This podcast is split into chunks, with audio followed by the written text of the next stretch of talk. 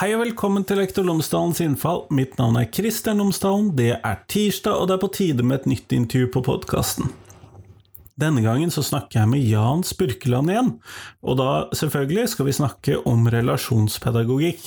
Dette har vært et tema både øh, dette har vært et tema som har vært sterkt etterspurt, men det har også vært en person som har vært sterkt etterspurt å få tilbake på podkasten igjen, så her kommer Jan Spurkland igjen. Vi skal snakke om denne gangen om metoder man kan bruke i relasjonspedagogikken for å få til disse relasjonene, få til den relasjonskompetansen, få bygget opp dette samspillet med elevene, sånn at man på best mulig måte kan være en god lærer for alle elevene. Men Sånn at eh, i dag metoder i relasjonspedagogikken. Du kan også gå tilbake til å høre den første episoden i 2021. Da får du høre Jan Spurkland snakke om relasjonspedagogikk mer generelt. Sånn at det kan du gjøre da. Ellers, podkasten er som alltid sponset av Cappelen Dam Undervisning, og hvis du går inn på skolen.cdu.no, så finner du alle de ressursene, oppleggene og oppgavene, alt sammen, som Cappelen Dam Utdanning har laget i forbindelse med fagfornyelsen i grunnskolen.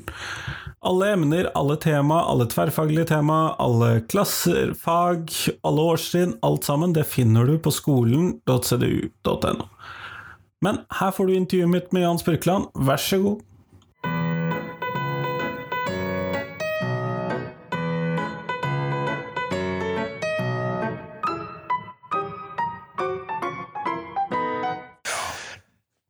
Jan Spurkeland, tusen takk for at du har tatt deg tid til meg i dag. Bare fint. Før vi starter selve intervjuet, så må du også denne gangen fortelle tre ting om deg selv, sånn at eh, de som er nye lyttere, vet hvem du er. Ja. Jeg er fra Nordhordland. Uh, bor på Seim i Alver kommune.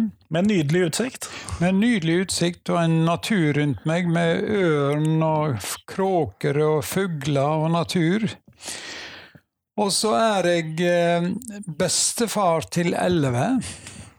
Og jeg er oldefar til fire, og så kan en jo bare tenke seg resten. Det er litt av en gjeng. Høres ut som store familiesammenkomster. Ja, vi er mange. Vi kommer jo fort over 20 personer når vi samler nærmeste familien. Fire barn, elleve barnebarn, fire oldebarn. Det begynner å bli mange. Ja. Kjempeflott. Og vi er jo her i dag, vi har jo tidligere snakket sammen om relasjonskompetanse og relasjonspedagogikk. Ja. Eh, og det var litt sånn, hva skal vi kalle det, bli kjent med temaet. Men i dag så skal vi snakke om verktøy for å klare dette, eller redskaper, eller hvilket ord du vil bruke på det. Ja. Og da må vi jo finne et sted å starte. Hva, hva, anser du som det viktigste redskapet vi har for å oppnå gode relasjoner i skolen? Jeg tenker vi må bruke verktøy som er spesiallaga for formålet å bli kjent med et menneske. Vi må bruke verktøy som er konstruert for at det blir en seriøst bekjentskap, en seriøs prosess, og ikke sånn overfladisk Uh, selskapslek som mange bruker. Til og med i skolen bruker de mange selskapsleker i den tro at det fører til relasjoner. Det er ikke sikkert det gjør. For det blir ofte tøysete og veldig prega av uh, det useriøse i å bli kjent. Senest i dag uh, snakket jeg med noen studenter på Oslo fra Oslo som ville ha mine ideer om hvordan en bygger relasjoner eh, mellom lærer og elev, og mellom elev og elev. Og så foreslo de en del verktøy, og jeg hørte det var gamle, gamle selskapsleiker som de hadde ja, som har vært tatt i bruk eh, veldig lenge, der du der du skal si to uh, fakta om deg sjøl og en, en, en, ting som er usant, og så skal folk finne ut hva som er fakta og usant. Og usant. Ja, den har jeg vært borti. Ja. Den, og dette med å skrive bak på ryggen på tallerkener og sånne ting, og fine ting og rare ting, det kan vel ikke skade. Men det er skikkelig amatørmessig, kan jeg love. Det er så amatørmessig at det er på tide vi kommer et steg videre over til seriøse verktøy, som virkelig fører til at vi kommer nærmere hverandre. At jeg forstår veldig mye av ditt 24-timers-menneske, og du forstår veldig mye av mitt 24-timers-menneske. De opplysningene som jeg gav i begynnelsen her, når jeg sa jeg var bestefar til elleve og oldefar til fire, det betyr at du begynner å få konkrete fakta om meg som gjør at du begynner å tenke på en annen måte. Altså Du får et mentalt bilde av meg. En levende person, da? Ja, en levende person og en ekte person, og ikke bare fjas og tull som vi ofte kan tulle med når vi holder i selskapsleker.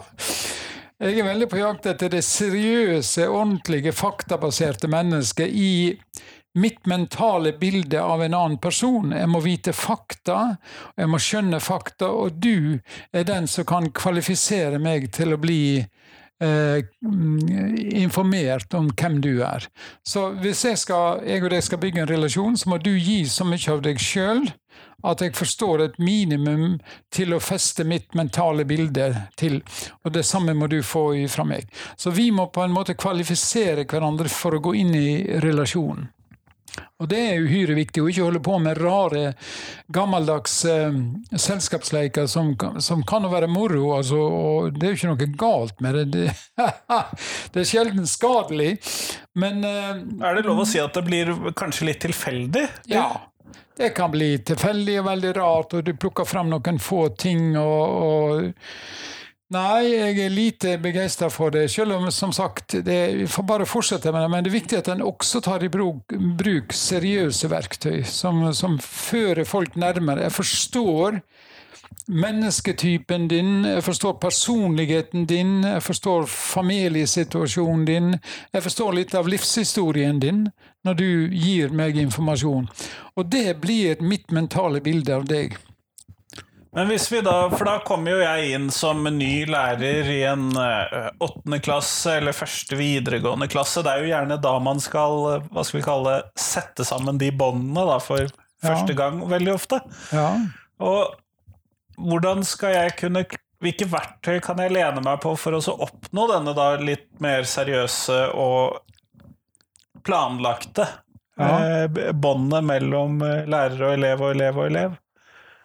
Du må begynne veldig fort. Du må ikke utsette deg. De studentene jeg snakka med i dag, snakka om at de ville bruke tre uker før de tok i bruk verktøy på relasjonsbygging.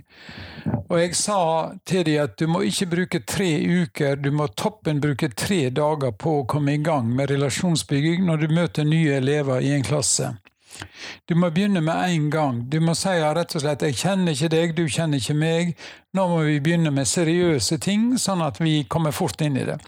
Og når vi har kommet inn i det, jeg har presentert meg sjøl som et helt 24-timers menneske, og du har gjort det samme, så er relasjonen, har relasjonen et faktagrunnlag egentlig er det jeg kaller for et intellektuelt grunnlag for å begynne å feste seg. Altså, jeg har et riktig bilde av deg, og du har et riktig bilde av meg i utgangspunktet.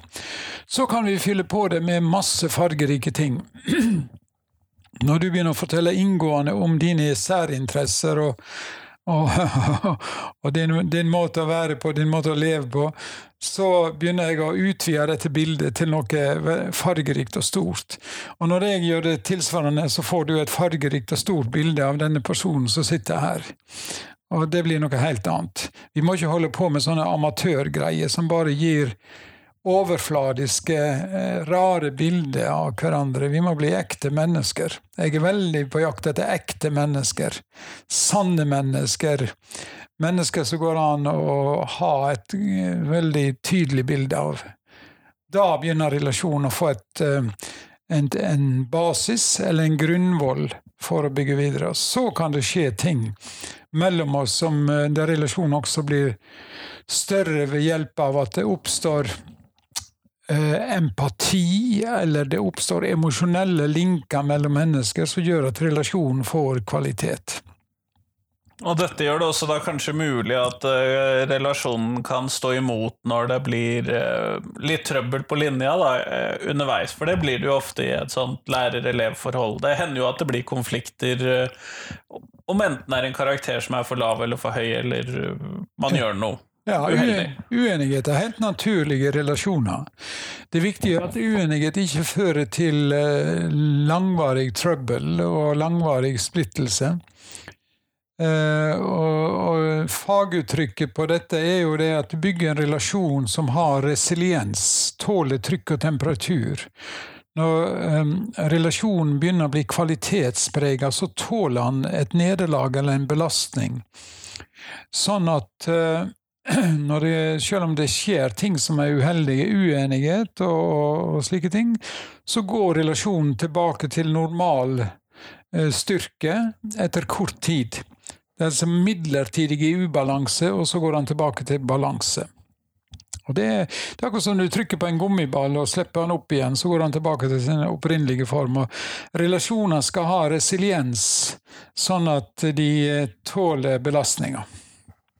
Men eh, da tenker du da at når jeg da kommer inn i denne nye klassen, så skal jeg ikke bare presentere meg med type eh, Mitt navn er Kristian Lomsdalen, jeg skal undervise i dette og dette, og vi skal være nå tre år sammen i dette her og sånn, men at jeg kanskje også skal si noe om at jeg er gift med Monica, og på fritiden så øh, synger jeg i kor hvis jeg drev med det. Nå er det sikkert noen som kjenner meg som vil leve påstanden om at jeg synger i kor, men øh, hvis jeg drev med det, så fyller det litt av disse 24 timene som du snakket om? Ja, da, det er veldig viktig det du sier der. Og så må du faktisk si kanskje noe mer. Eh, mennesker som betyr mye for deg i livet ditt, og du har nevnt Monica.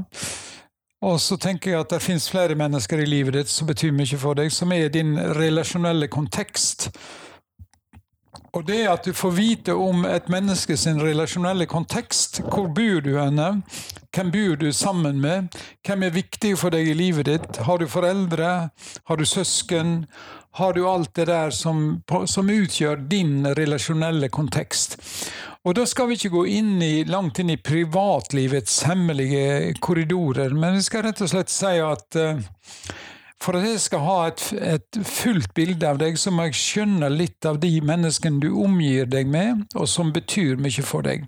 Hvis et av de menneskene blir skada eller forsvinner eller dør, så vil det belaste deg voldsomt. Det kan jeg vite i ettertid, hvis jeg bare vet litt om det.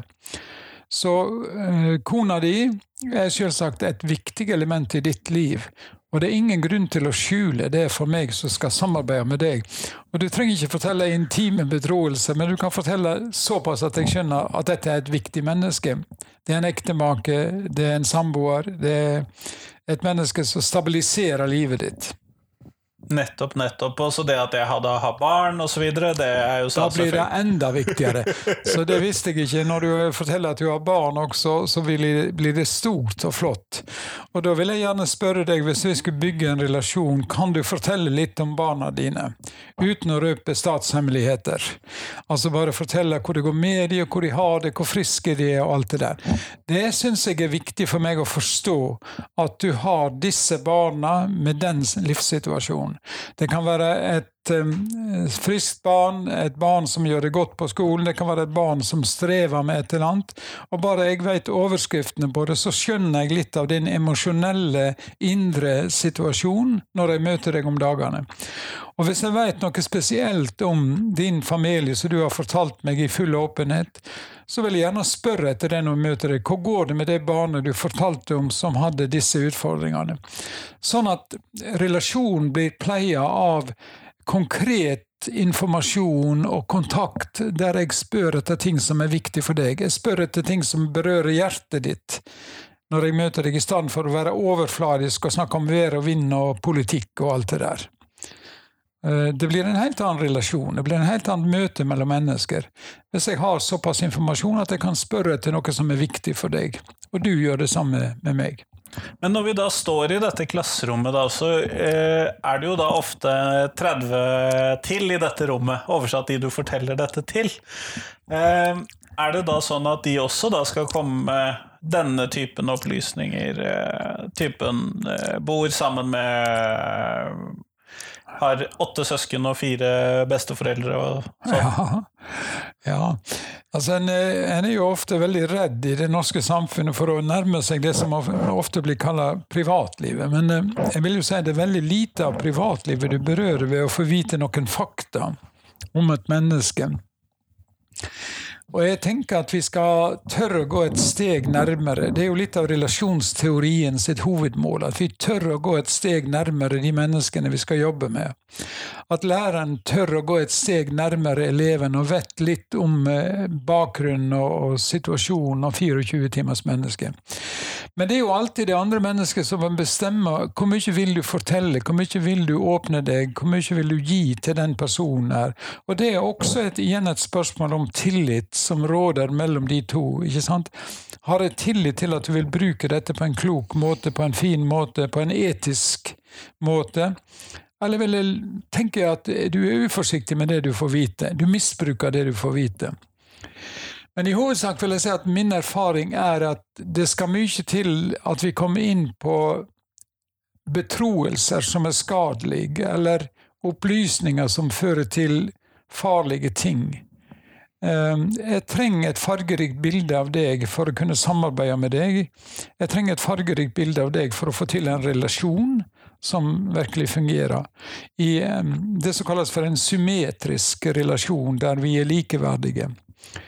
I en asymmetrisk relasjon der vi har en som er veldig klok, og en som er mindre klok, eller en som står veldig høyt, og en som står veldig lavt i, i, uh, i situasjonen, så, så, kan jeg jo si at ja, hvor mye skal vi vite om hverandre i en asymmetrisk relasjon?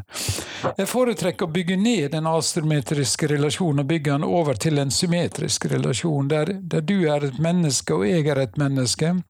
Og vi kan etablere noe som går på likeverdighet når det gjelder å bli kjente med hverandre, og så kan vi gå over til det vi skal jobbe med sammen med. Altså være ganske åpen på det. Vi er ikke next to God, noen av oss. Vi er, vi er alminnelige mennesker. Ja, og det hender det jo ofte at elevene ikke helt får med seg, i hvert fall i den forstand at uh, jeg tror ikke skolen er flink nok til å fortelle at vi er mennesker og kan ta feil og den ja. typen ting, da. Det er veldig fint. Det tenker jeg òg du har helt rett i. Vi er jeg tenker at vi er mennesker som gjør så godt vi kan, og vi eh, forsøker å finne fram til sannheter og, og eh, ekte ting som vi formidler. Men det er jo klart at vi er alle sammen eh, på usikker grunn i de ganske mange spørsmål. Så vi får nøye oss med å gjøre så godt vi kan, tenker jeg. Men eh, og, sånn som jeg forstår det, så er jo denne utvekslingen, denne menneske til menneske, er kanskje bedre egnet for eh, de samtalene vi har i en sånn utvikl eller i en sånn bli kjent-samtale, f.eks. én til én. Ja. Men hvordan skal vi klare oss å bygge de relasjonene mellom elev til elev i det helhetlige klasserommet når vi da, ja. skal, når vi da skal ha denne bli kjent-fasen, da, denne relasjonsbyggende fasen. Altså Hvis jeg tenker på det verktøyet som jeg har spesialdesigna for dette formålet, som jeg kaller for de fem f-ene, altså fagmenneske i et menneske, familiemenneske i et menneske, fritidsmenneske i et menneske, fortidsmenneske og framtidsmenneske. Disse fem f-ene de er på en måte hovedinformasjonen om et menneske, som det mennesket sjøl må formidle. I et klasserom der du har 25-30 elever, kanskje, så må du lage en pedagogisk ordning som gjør at alle får litt informasjon om alle. Og så kan det også gjøres eh, grundigere runder mellom to og to, eller mellom fire i grupper, der de kan få vite mer. Altså Hvis du begynner med en sånn grunninformasjon der alle har fortalt litt i plenum, bitte litt, eller forberedt litt, som de viser på en skjerm, hvem er du som menneske i disse fem f-ene? Altså en liten sånn forberedt eh, grunnvoll på hvem du er. Og så kan en gå videre i øvelser mellom to eller mellom fire, og kanskje hvis åpenheten og tilliten blir veldig god i hele gruppa, så kan du kanskje si at ja, vi kan gjøre det i åpenhet. Og vi kan bygge opp faktagrunnlaget trinn for trinn, og ikke nødvendigvis gjøre det i én slump. Men jeg tror òg at um, dette må gjøres ganske tidlig i begynnelsen på skoleåret om høsten. Vi må komme i gang med relasjonsbygging med en gang. Vi må si at vi er fremmede for hverandre, og vi trenger å bli kjent. Og så går vi inn i det. Og så til slutt har vi kommet så langt i åpenhet og fortrolighet at vi kan jobbe med hva som helst. Jeg vet det viktigste om deg, og du vet det viktigste om meg, og vi trenger ikke skjule så mye. Og likevel er det haugevis av skjulte ting i et menneske. Der er jo hele Knausgård sin historie, seks bind fins det i alle mennesker om informasjon om et menneske. Og det er ikke det jeg er på jakt etter, men jeg er på jakt etter noen viktige data noen viktige eh, ting som jeg må huske på når jeg møter deg, og som jeg må kunne hver gang jeg møter deg. Så nå vet jeg om ett menneske i ditt liv som er viktig, og at du har barn også. Nettopp, nettopp. Og dette gir jo ganske eh, Hvis vi da setter opp at elevene da skal presentere f.eks. hvor de bor, og hvilken skole de kommer fra, og om de kjenner noen andre i klasserommet f.eks., ja. så er jo det kanskje sånne plenumsinformasjon ja. før de går videre i grupper, for å bli kjent enda mer. Men jeg tenker òg de kan fortelle om eh, at de har foreldre eller de de bor sammen med. Privat kan de også fortelle åpent. Noen få fakta. De har en hund hjemme, de har en katt hjemme, de har en hest hjemme. De kan fortelle små fakta om seg sjøl, for alle sammen, og det er helt ufarlig. Når du går nærmere ned på folk, og jeg, jeg skal drive med teambuilding, som jeg ofte gjør, da må jo folk fortelle ganske mye mer. Da må de bli litt detaljerte om alt dette her som berører de, og som er viktig for de. Så når jeg skal bygge et landslag i fotball, som jeg ennå ikke har fått i oppdrag å gjøre, men som jeg, men som jeg regner med jeg får i oppdrag For jeg holder på med å, bygge, å lage et lagbyggingskonsept. Så må vi gå dypere ned i personen, og lenger inn i personen, og finne flere fakta, flere opplysninger. Også det som betyr noe emosjonelt for et menneske alle de tingene som er nær sagt eh, det viktigste i livet ditt. Engasjementene dine. Hva som irriterer, som, ja. hvordan du liker å arbeide. Alle. Ja, ja. Det er mange ting som er relevant å informere om hvem du er som person, men eh, det viktigste står i disse fem F-ene som jeg har nevnt. Eh, og det er kanskje det verktøyet som gjør størst, som påvirker mest dette med grunnlaget på relasjonsbygging. Altså det som jeg har i det intellektuelle mennesket ditt det som, som du har gitt meg av informasjon og faktaopplysninger. Nettopp, nettopp, nettopp. Men vi skal jo ofte dette, Denne relasjonen, fordi at du understreker jo her hvor viktig det er å få til det godt tidlig i løpet. Ja. Men vi skal jo ofte opprettholde dette underveis, eller vi skal eh, bygge videre på det underveis. Er det da fremdeles disse fire F-ene, eller er det noen Fem F-er. Ja, fem F-er. Beklager. er det da noen ytterligere verktøy som du tenker er viktig å lene seg på, eller skal vi da fremdeles lene oss på, denne, eh, på disse fem F-ene også da underveis? Ja, det jeg kan nevne et par verktøy til. Jeg har laga et verktøy som jeg kaller for relasjonsbilde. Og relasjonsbildet til en person det er bestående av et vindu med fire ruter. Der vi fyller ut dette bildet gjennom fire ulike prosesser. Og Det kan gjøres i et klasserom der elevene gir den eleven som er i fokus, eh, positive tilbakemeldinger ut ifra sine observasjoner. Eh, hvis jeg skulle gitt deg positiv tilbakemelding, så kunne jeg fylle ut ruta di eh, på, som kollega eller som medelev på at jeg ser disse fine sidene ved deg, dette som er flott ved deg, som er lett å oppdage ved deg.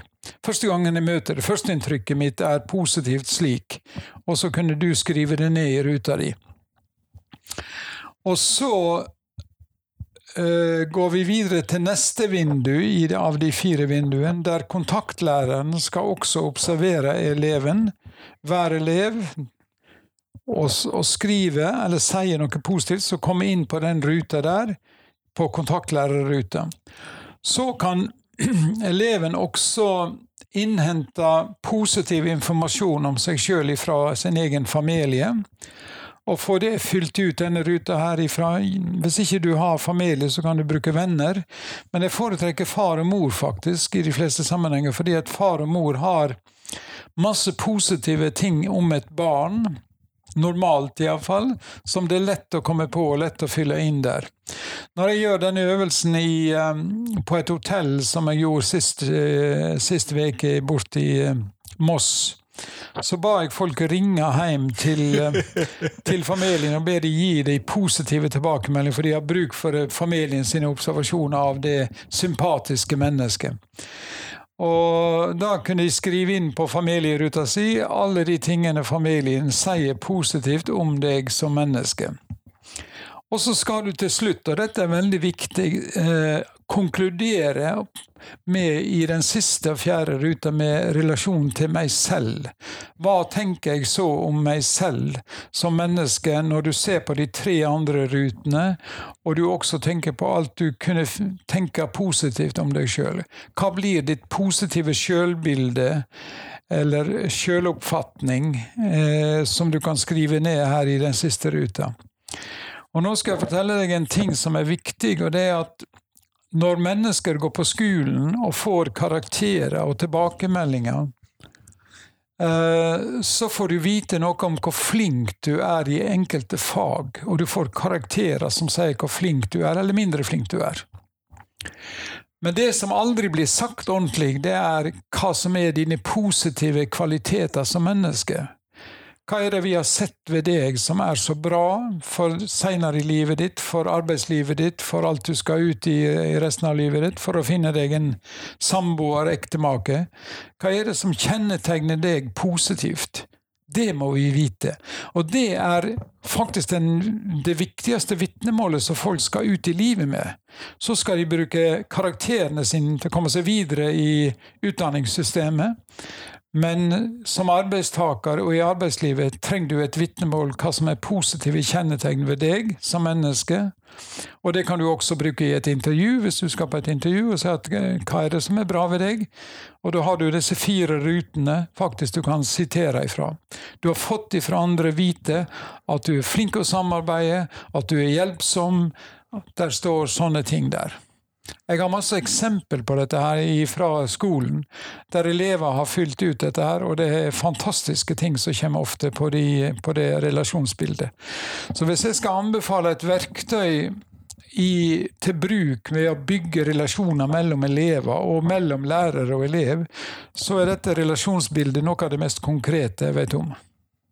Kanskje mye fordi at det er positivt rettet? Ja. At det er det, det som eh, gjør, det, gjør, at det funker godt? Da. Ja, og dette er på en måte en forsterkning av det jeg kaller for det sympatiske mennesket, som vi ikke har snakket om ennå, men som er Du må alltid bygge en relasjon på to ting. Det ene er faktagrunnlaget, som vi har snakket om, de fem f-ene. Og det andre er det sympatiske mennesket. Det, den delen av et menneske du kan like. Og den delen av et menneske du kan feste til ditt mentale bilde av dette mennesket, som er positive særtrekk, kjennetegn, som er lett å oppdage og lett å tenke på. Og hvis du har et sterkt mentalt bilde av et menneske som er positivt, så tåler det mye mer belastning om det skulle skje noe rart mellom dere i ettertid. Det er lettere for å tilgi et menneske du har i hovedsak et positivt inntrykk av, eller hvis du har et varierende både positivt og negativt inntrykk av et menneske, og det kan lett bildet eller relasjonen kan lett bli skada av et negativ hendelse eller episode. Så det er viktig å bygge det opp, og dette er et virkemiddel som jeg har sett virke rundt i norske skoler, når en bruker relasjonsbildet som hjelpemiddel. Nettopp, nettopp. Og det, det, forstår jeg jo at er viktig, og jeg ser jo det, for jeg har jo sett noen av disse tilbakemeldingene som disse vitnemålene som de får på Steinerskolen, og de har i større grad trekk av dette enn de vitnemålene man får i den offentlige skolen, som bare er karakterer. Ja, ja. ja, ja. Ehm, så det er jo litt interessant. Men ofte så kommer man jo først på at oi, vi burde ha bygget relasjonskompetanse når ting har gått litt til skeis. Det er for seint. Ja. For det kan jo bli varig skade. Jeg tenker at Når det går litt skeis og det blir trøbbel mellom mennesker, så er det vanskelig å bygge det opp igjen. Og det er egentlig vanskelig å lege sånne sår i en relasjon når han ikke er bygd opp solid. Uh, en solid relasjon tåler, som jeg sa, litt belastning, men en skjør relasjon, overfladisk relasjon, tåler ingenting. Og da ryker det ofte. Da blir det varig trøbbel. ofte. Det er ikke det at det ikke er mulig å tilgi og komme seg videre og gradvis bygge opp igjen Tillit er jo kjernen i en relasjon, og det er jo tillit som blir skada ofte. Uh, og så går det selvsagt an å bygge det opp igjen, men det er vanskelig, og det tar tid. Derfor er det viktig grunnlaget de første dagene, de første 14 dagene at en alltid holder på med relasjonsbygging i lærer-elev-samarbeid og mellom elever, slik at det blir et solid grunnlag så du kan høste av resten av året. Du kan faktisk surfe på det resten av året, skoleåret, og elevene kan ha det veldig fint i gruppa hvis de først har kommet godt i gang med relasjonsbyggingen. Jo, men eh, er det noen sånne verktøy vi kan lene oss på når, når ting har da gått litt skeis, eller er det da å begynne liksom litt på nytt og prøve å starte med disse enkleste tingene da? Jeg tenker jo at det eneste verktøyet jeg tenker på når det begynner å skjære seg, det er jo samtalen, dialogen mellom to mennesker. Der du erkjenner at det begynner å bli vanskelig mellom oss to, der du erkjenner at vi må snakke om det ubehagelige, og der du må bruke det som jeg kaller for relasjonelt mot. Og bare si i dag, Kristian, i dag må vi to snakke om noe ubehagelig. Jeg merker det at vi har problemer med samarbeidet. Jeg merker at vi saboterer hverandre. Jeg merker at vi holder ikke avtalene. Jeg merker at det er ting som er vanskelig i kommunikasjonen vår. Vi er nødt til å snakke om det. Og jeg skal absolutt ikke anklage deg for å være skyldig i det. Men jeg skal bare si at jeg merker at det er ubehagelig når ikke vi får det til sånn som vi har gjort før. Og så får vi snakke om hvorfor det ble sånn, og hvor vi kan rydde opp i det. Og Der vil jeg si det er uhyre viktig å ta fatt i det med en gang en merker det, og ikke la det skure og gå, for da kan situasjonen gå over i en permanent eh, krevende ubehagssituasjon der det forblir vanskelig, og til og med at det, det kan bli enda mer vanskelig. Det, det, kan bli verre hvis du bare utsetter. Så relasjonelt mot, det er faktisk å tørre gå inn i ubehaget ganske fort. Bare si det sånn som du er helt avhengig av ved kjøkkenbordet hjemme. Vi må snakke om noe som eh, begynner å bli ubehagelig. Men det er jo vi mennesker generelt sett litt dårlige på, da.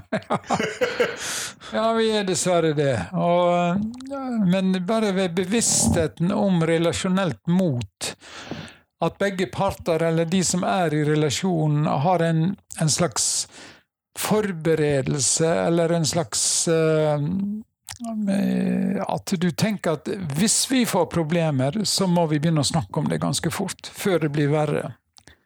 Og det er det viktigste redskapet du har, å tørre å snakke om det før det er for seint. Og jeg innser jo at du har rett i det. Ja. Eh, men, men, ofte så er jo én part blind for Eller ofte så kan det jo være sånn at én part er blind for at ting har gått litt skeis. Ja. Eh, og det er jo vanskelig å se alle disse relasjonene når man har 30 elever, eller 28 eller 24 eller 32, eller hvor mange nå forskjellige lærere har. Ja. Det at man uh, har uh, løpt inn i en vegg relasjonsmessig da, med én av disse mange elevene i dette rommet. Det tenker jeg ofte kan skje, og det tror jeg nok at jeg hadde mange sånne ting også i min tid i klasserommet. Jeg jobba jo i klasserommet lenge. Men jeg tror at du skal være ydmyk i forhold til andre sin oppfatning og andre sin tank, tanke om en situasjon, og bare si at jeg merker at vi to har forskjellige opplevelser, vi har forskjellige oppfatninger av dette her. Og det må vi snakke om. Det er ikke sånn at jeg har rett i alt som jeg tenker, og du har rett i alt som du tenker. Vi må finne om Er det en misforståelse? Har jeg oppfatta noe feil? Eh, vi må snakke i full åpenhet og fortrolighet om det, slik at vi kan få fram begge sine ting på en sånn måte at jeg kan forstå mer av deg, og du kan forstå mer av det som jeg tenker. Og så kan vi kanskje lande på et eller annet, eller konstatere at vi er uenige. Og det er kanskje jo greit, det òg. Det er ok, det. Og, ende opp med å være uenige, og det, det kan vi legge bak oss som, som et, en episode som vi ikke klarte å finne svar på. Og Samtidig så er det vel uansett vår jobb som lærere å se det sympatiske mennesket i denne eleven? Ja da, det er jobben din. Det er jobben din. Eh, det er jo mange som har sagt det opp gjennom historien. Eh, jobben til en lærer er å være glad i alle elevene. De flinke og de mindre flinke. De eh, åpne og de mindre åpne. De stille og de bråkete. Være glad i alle mennesker sånn som de er. Så den første jobben du har, er å bry deg om elevene dine såpass at de merker det. Såpass at de merker det. Og det er en jobb i seg sjøl. Ja, det, det, krever jo at man har tid til det. Ja. Og det er jo ofte kanskje en vanskelig side ved lærerjobben, men uh, da er det jo fint med gode verktøy, da. Ja, jeg tenker det sympatiske mennesket er en god start på å observere den delen av en elev som du kan like, og være så tydelig og konkret på det at eleven merker at nå har du fått tak i mitt sympatiske menneske, og jeg merker at du liker meg. Um, det er, det er ganske krevende ting, det, den emosjonelle delen av relasjonen. Og du må bruke både egen hjernekraft og, og fokusere på det som kan hjelpe deg inn i en positiv relasjon. Uansett atferden og eleven sin måte å være på, så må du jobbe med ditt mentale bilde av, av hver elev. Og det skal bli positivt til slutt. Ellers bommer du på en elev. Du kan risikere at eleven mislykkes på skolen fordi at han eller hun merker at du ikke liker deg. Det er farlig. Det er jo et veldig stort ansvar. Ja, det er et svært ansvar. Og Det er derfor jeg trener folk Jeg trener folk på å oppdage det sympatiske mennesket. For det er inngangsporten til en positiv relasjon. Men jeg har også lyst til å nevne noe som er lett å ta i bruk, nemlig det som blir kalla for signaturstyrker i mennesker. Ja, hva mener du da? Ja, da skal jeg nevne en person som heter Martin Seligmann. Som er amerikansk psykolog og verdensberømt eh, fordi han har skapt veldig mye av den positive psykologien. som fokuserer på positive følelser og styrker i mennesket. og Han kaller det for signaturstyrker. Og så har han og en del kolleger forska seg fram til at mennesket har totalt 24 signaturstyrker, og alle mennesker har noen av de veldig bra, representert i, i sin personlighet og i sin måte å være på. Og det kan være tre-fire signaturstyrker som kjennetegner deg som menneske. Og det kan du sjøl finne ut av bare ved å lese over disse signaturstyrkene. Bare lese det på internett, hva vi kaller de for. Vi kaller en, kaller en eh, signaturstyrke for nysgjerrighet. En annen for kjærlighet til kunnskap, altså veldig vitebegjærlig. Du kan ha signaturstyrken dømmekraft, som der du er flink til å kunne bedømme ting. Du kan være prega av oppfinnsomhet, sosial intelligens, tapperhet, utholdenhet. Og disse signaturstyrkene de er så verdifulle for deg hele livet at hver gang du får brukt det i jobben din, på skolen eller i en aktivitet, så vil du merke deg ut, fordi at da kommer denne signaturstyrken til, rett, til eh, sin rette element i Og du føler at du får gjort noe bra. Ehm, det er også noe som er veldig relasjonelt i signaturstyrken, nemlig evnen til å vise vennlighet og evnen til å vise kjærlighet. Så det er et, altså 24 ulike signaturstyrker som vi kan måle hos mennesker, kartlegge hos mennesker, og som representerer de aller sterkeste sidene ved et menneske, som alltid vil være med dem fra fødsel til grav. Hvis du ser på barna dine når du kommer hjem og, går gjennom signaturstyrken, så finner du alltid eh, tre-fire stykker hos barna dine som, som, merker seg ut i forhold til et annet barn eller i forhold til et annet menneske. Det er ganske spennende.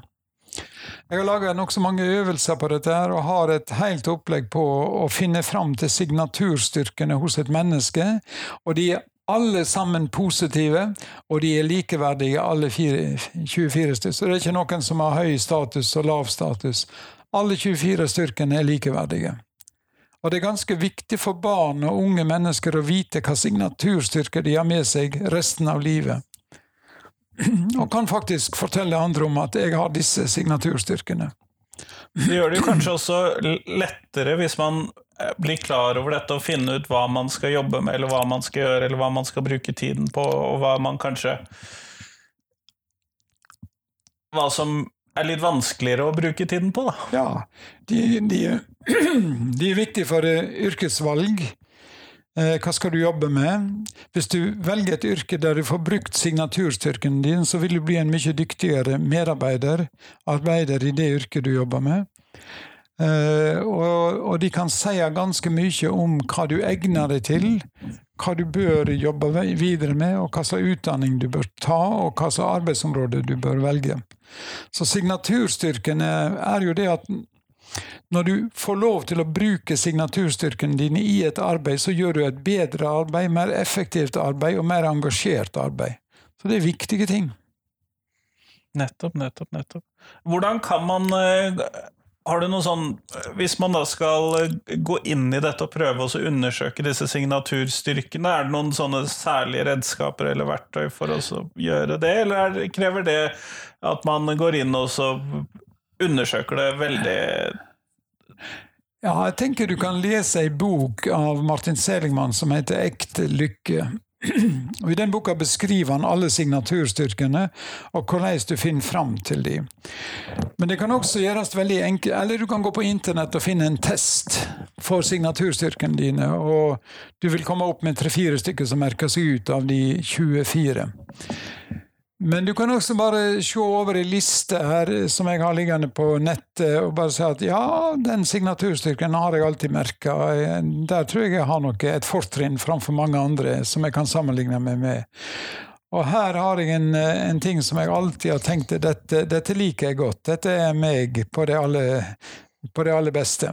Slik at signaturstyrker er en styrke innenfor et positivt område som kjennetegner et menneske og som alle burde vite om når de er i arbeidslivet, når du er elev på skolen. Og du kunne til og med tenke at du fikk et, et vitnemål på signaturstyrker. På skolen fant vi ut at jeg hadde disse signaturstyrkene. Så i tillegg til det som jeg kalte for relasjonsbildet, der det står bare positive kvaliteter ved et menneske levert av andre, det kunne vi òg tenke seg at vi hadde et signaturbilde der mine signaturstyrker sto dokumentert på et uh, ark, uh, og som jeg tok med meg resten av livet. Det varige, sterke sider ved et menneske ifra vogge til grav.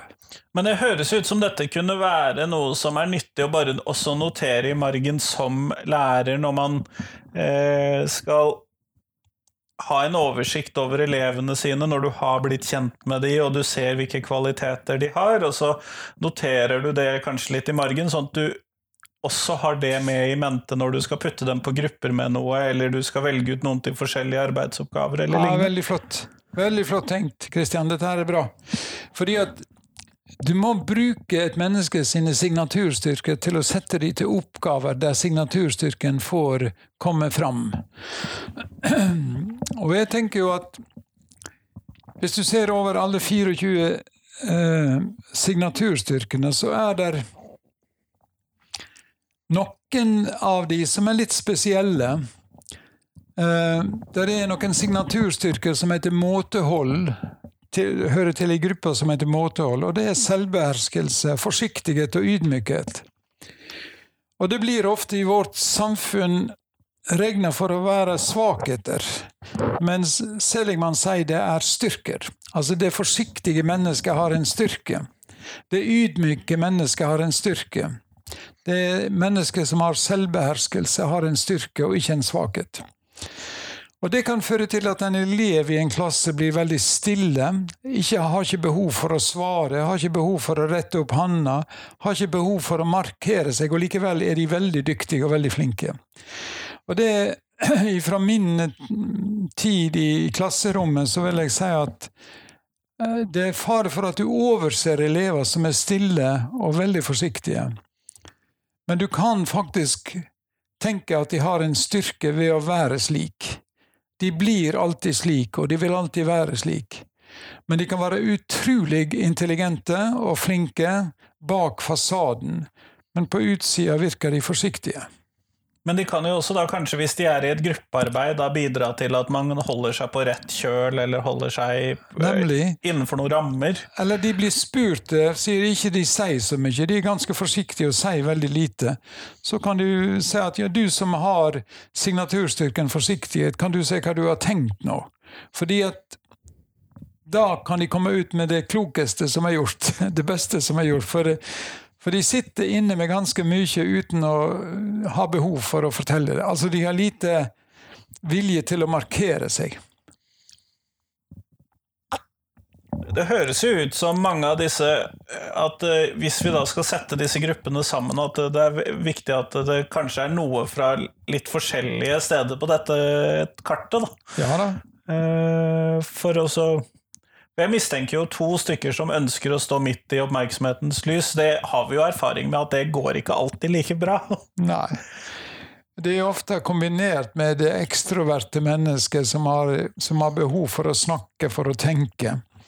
Mens det introverte mennesket har ikke behov for å snakke for å tenke, men Må kan... helst slippe det. ja. Eh, men eh, det er ikke nødvendigvis eh, det samme som ekstrovert og introvert, dette her, men det forsiktige mennesket har veldig lite behov for å stå i sentrum av oppmerksomheten. Det forsiktige mennesket Jeg husker jeg hadde i dette rommet her en rektor som sa hun alltid hadde vært prega av forsiktighet. Og fikk ofte beskjed på skolen om å ta ordet og snakke og svare. Og hun sa at jeg, eh, jeg visste jo mange svar, men jeg hadde ingen behov for å vise det at jeg visste svarene. eh, og jeg har levd godt med det, og jeg lever godt med det som rektor òg. Jeg kan være veldig forsiktig som rektor og bli akseptert slik som jeg er.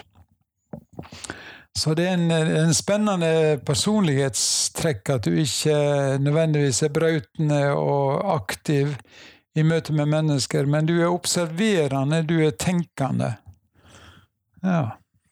Men dette er jo da noe å oppdage om elevene våre, enten vi gjør det eksplisitt eller vi bare noterer det i margen. Ja, det er sant. Eh, og, men jeg har lyst til å gjøre lærere oppmerksom på at pass på de forsiktige elevene, de kan være kolossalt dyktige. Det er jo noe å ta med seg. Ja. Men eh, Jan, vi går faktisk Vi har snakket i 45 minutter allerede. Du verden. Og da vil jeg jo stille deg det siste spørsmålet mitt. og det, Jeg har stilt det til deg før, men det hender jo at eh, man tenker noe nytt ut ifra dagens samtale. og sånn, Men hva er de tre viktigste tingene ved skolen lærer elevene? Ja. Um, jeg tenker jo alltid først nå, siden jeg har jobba så lenge i 30 år med dette relasjonsforståelse Jeg tror det er viktigere det som er kommet opp nå i eh, skole og barnehage med livsmestring. Det viktigste du lærer på skolen, er bedre livsmestring, i tillegg til det du lærer ellers i livet.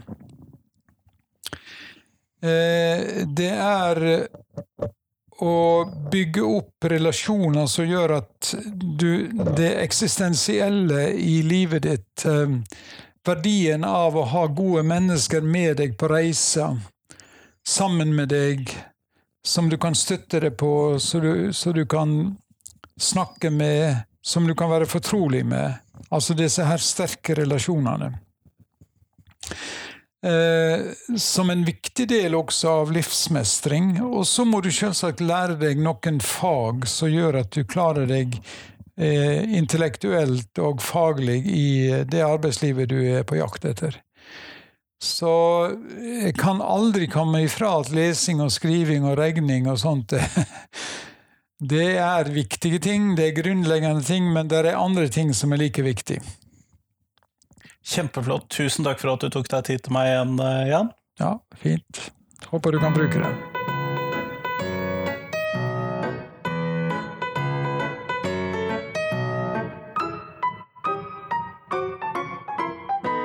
Tusen takk til Jan, og tusen takk til deg som hørte på. Nå er det fram til i morgen, så kommer det en ny ekstraepisode, og da får jeg med det siste partiet med på listen.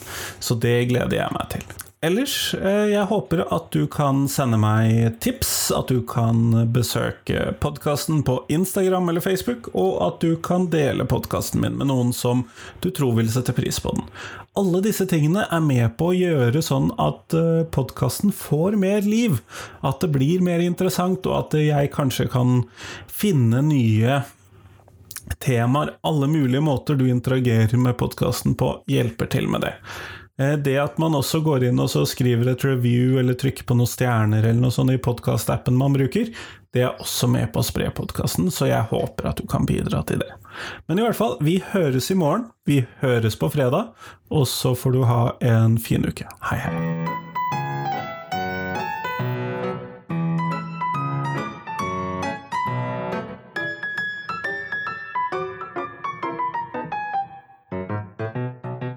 Jeg trenger tips ikke bare om mennesker jeg skal intervjue, men også om temaene jeg skal intervjue folk om. Så send meg gjerne tips til et tema. og Da trenger du ikke nødvendigvis ha tenkt ut hvem jeg bør intervjue.